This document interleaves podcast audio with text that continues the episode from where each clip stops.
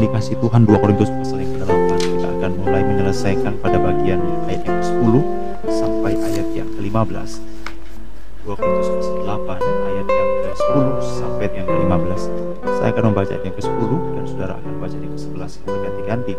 Atau jika saudara boleh membaca silahkan juga membaca sampai ayat yang ke-15 inilah pendapatku tentang hal itu yang mungkin berfaedah bagimu Memang sudah sejak tahun yang lalu kamu mulai melaksanakannya dan mengambil keputusan untuk menyelesaikannya juga.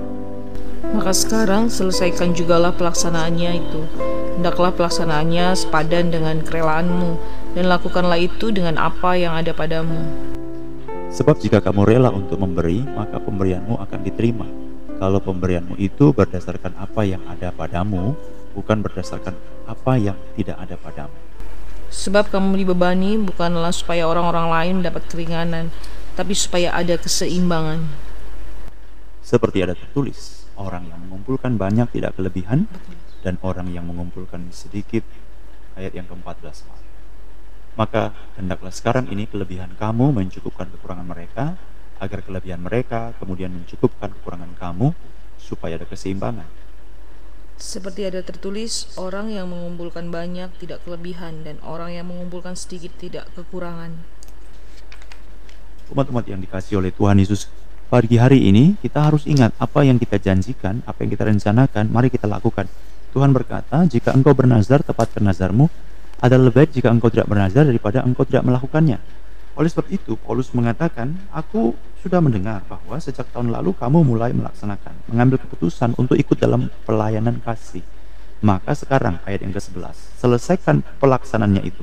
Hendaklah pelaksanaannya sepadan dengan kerelaanmu dan lakukanlah itu dengan apa yang ada padamu.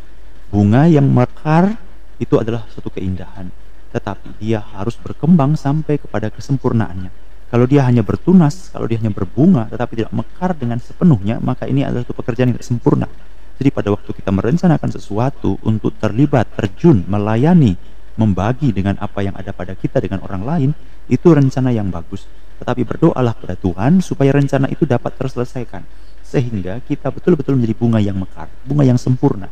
Niat, rencana tidak akan sempurna jika tidak dilaksanakan. Oleh sebab itu berdoalah pada Tuhan supaya kita dapat melaksanakannya. Karena kembali lagi saudara-saudara, mampu atau tidak mampu, bisa atau tidak bisa melaksanakannya itu bukan tergantung kita. Itu bukan karena kita, tetapi karena izinnya Tuhan. Jika Tuhan berkehendak, laku, laku jadilah semua. Jika Tuhan tidak berkehendak, bagaimana? Jadi dalam rencana kita manusia boleh merencanakan, tetapi Allah yang menentukan. Jadi Paulus sudah mendengar bahwa orang-orang di Korintus ini memiliki satu rencana, lalu sudah mulai melaksanakan dan mengambil keputusan. Jadi pekerjaan yang sudah mereka mulai kerjakan sampai kesudahannya. Firman Allah berkata dalam surat Filipi, ia yang memulai, ia juga akan menyelesaikan. Jadi biarlah kita berdoa kepada Tuhan segala sesuatu yang baik yang timbul dalam hati kita itu bukan dari kita. Tetapi biarlah juga yang timbul itu, yang direncanakan itu jadi kenyataan. Dan yang sudah dimulai itu selesai sampai kesudahannya, sampai sempurna. Inilah teori atau uh, dalil orang percaya.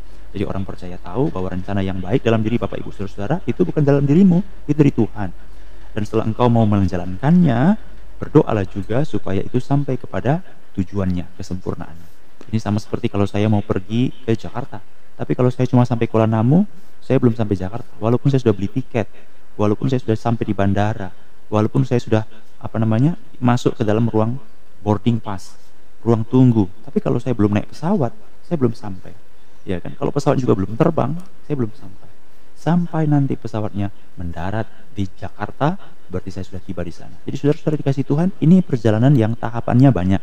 Jadi tahapan-tahapan itu lalu dengan taat dengan setia dan sepanjang taat itu berdoa pada Tuhan. Tidak ada satu rencana pun yang tidak kita doakan. Tidak ada satu kegiatan pun yang tidak kita serahkan. Semuanya mari kita serahkan dalam tangan Tuhan Mari kita masuk bagian yang kedua. Alkitab mengatakan bahwa semua pemberian kita itu kita serah ke dalam tangan Tuhan supaya terlaksana. Namun penting untuk kita ingat bahwa semua rencana itu sesuai dengan kerelaan dan kemampuan. Kerelaan dan kemampuan. Ayat yang ke-11. Hendaklah pelaksanaannya sepadan, sepadan dengan kerelaan dan lakukanlah itu dengan apa yang ada padamu, dengan kemampuan yang kamu miliki. Jadi istilah kita memberikan pengorbanan, saudara-saudara, itu bukan cara kita supaya kita dipuji orang. Bukan Itu sebabnya kita menolak segala macam cara-cara di mana orang memberikan persembahan supaya dia tampil sebagai pahlawan, sebagai orang yang memberikan yang banyak. Tidak, itu bukan rumus Alkitab. Bahkan Alkitab memberi memberitahu kepada kita apa yang diperbuat oleh tangan kananmu, tangan kiri tidak tahu. Jadi sesuatu yang kita lakukan itu bukanlah supaya dipamerkan, supaya dipaparkan, supaya orang lain tahu, supaya orang tidak menjadi satu ajang untuk memamerkan atau menampilkan diri. Bukan, bukan itu. Tujuan daripada pemberi, pemberian-pemberian kita itu adalah bukan supaya orang melihat kita, tetapi Alkitab mengatakan pemberianmu itu berdasarkan sepadan dengan kerelaan dan apa yang ada padamu. Jadi kalau itu di luar kemampuanmu, di luar batas kesanggupanmu, engkau tidak berdosa. Engkau tidak berdosa. Jadi misalnya pekerjaan Tuhan membutuhkan sekitar 100 juta, tapi engkau mampu cuma 50 juta. Maka apa yang engkau mampu, lakukanlah itu. Jadi pemberianmu, persembahanmu bukan berdasarkan kebutuhan, tapi pemberianmu, persembahanmu berdasarkan kemampuan. Memang saudara-saudara dalam hal ini kadang-kadang kita menggunakan apa yang disebut dengan istilah iman, iman. Tetapi iman itu juga sesuatu hal yang sangat-sangat harus sesuai dengan pimpinan Tuhan, bukan berdasarkan pimpinan atau emosi sesaat. Itu sebabnya karena iman itu berdasarkan pimpinan Tuhan, jemaat-jemaat di Makedonia, mereka adalah jemaat-jemaat yang mampu memberi di tengah-tengah pencobaan yang berat. 2 Korintus pasal 8 ayat yang kedua. Selagi dicobai dengan berat, dalam berbagai penderitaan, sukacita mereka meluap.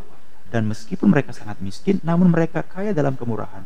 Aku bersaksi bahwa mereka telah memberikan menurut kemampuan mereka, bahkan melampaui kemampuan mereka. Jadi pertama-tama dasarnya apa? Kemampuan dulu. Tetapi waktu Tuhan memberikan kekuatan yang lebih, maka mereka memberi lagi, melampaui kemampuan mereka. Jadi pertama-tama dasarnya kemampuan. 2 Korintus pasal yang ke-8 ayat yang ketiga. Walaupun mereka mengalami susah, mereka memberi berdasarkan kemampuan. Walaupun mereka dicobai, mereka memberi berdasarkan kemampuan. Tahu ya berapa besar sih orang yang mampu memberi di tengah-tengah pencobaan? Ya tentu tidak besar-besar amat atau tidak signifikan. Tetapi oleh karena sukacita yang dari Tuhan, sukacita yang meluap-luap, itu tentu sukacita dari Tuhan. Maka mereka sanggup untuk memberi melampaui kemampuan. Jadi ingat, memberi itu dasarnya kemampuan. Dan memberi bukan keinginan diri sendiri, memberi berdasarkan kemampuan. Dan pada waktu kita memberi melampaui kemampuan, itu adalah pemberian yang dikerjakan berdasarkan iman. Berdasarkan iman, bukan berdasarkan kemampuan atau pikiran-pikiran manusia. Nah, ayat yang keempat, 2 Korintus 8 Dengan kerelaan sendiri, mereka meminta dan mendesak kepada kami supaya mereka juga beroleh kasih karunia untuk mengambil bagian dalam pelayanan orang-orang kudus. Ayat 5. Mereka memberikan lebih banyak daripada yang kami harapkan. Kenapa? Mereka memberikan diri mereka pertama-tama kepada Allah jadi tetap iman. Ini Allah. Ini Tuhan yang atur, bukan diri sendiri. Pertama-tama kepada Allah. Kemudian oleh karena kehendak Allah kepada kami. Jadi Allah itu tetap menjadi sentral. Iman itu menjadi sentral. Jadi saudara-saudara dikasih Tuhan. Itulah sebabnya rahasia kita memberi melampaui kemampuan itu adalah berdasarkan iman. Kalau sungguh-sungguh iman itu adalah sesuatu yang diatur, dikendalikan oleh Allah. Seturut dengan firman Allah, kita akan mampu. Jadi bukan berdasarkan kita mengatakan iman, iman, iman. Mari memberi dengan iman, beriman. Tapi itu adalah cara manusia. Itu bukan iman. Itu adalah self conviction, keyakinan diri sendiri, kepercayaan diri sendiri. Kepercayaan diri sendiri bukan iman. Iman adalah iman, kepercayaan diri sendiri adalah diri sendiri. Iman itu pusatnya adalah Allah. Jadi apa yang Allah tentukan, apa yang Allah sanggupkan, apa yang Allah kuatkan. Kalau Allah mengatakan cukup, cukup. Kalau Allah mengatakan tambah, tambah. Kalau Allah berkata berhenti, berhenti. Kalau Allah berkata maju, maju. Jadi tidak semua orang yang dipimpin oleh Allah akan mengerjakan lebih banyak atau lebih sanggup daripada apa yang seharusnya. Belum tentu. Jadi ada yang memang diberikan Allah kesempatan-kesempatan untuk lebih lanjut, tapi ada yang tidak, tidak sampai di sini saja. Nah itu sebabnya Alkitab memberikan beberapa gambaran lebih lanjut dalam ayat yang ke-12. Pemberianmu itu akan diterima jika pemberianmu itu berdasarkan apa yang ada padamu. 2 Korintus 8 12. Jika kamu rela memberi, pemberianmu diterima. Jadi yang pertama, pemberian kita diterima, rela, dan yang kedua berdasarkan apa yang ada pada kita. Tetapi kembali lagi saudara-saudara, ini semua adalah kehendak Allah. Ini semua kehendak Allah, bukan berarti yang penting aku rela, maka pasti diterima. Belum tentu, tetapi kita harus ingat, kerelaan itu, kemampuan itu, semuanya itu berdasarkan kehendak Allah. Karena rela atau tidak rela itu tetap Tuhan yang mengerjakan dalam kita. Jadi saudara-saudara dikasih Tuhan, apa yang kita maksudkan renungan pagi ini? Ini bukan bicara masalah berapa banyak yang aku beri, tidak. tetapi berikanlah dirimu oleh kehendak Allah. 2 Korintus pasal yang ke-8 ayat yang kelima.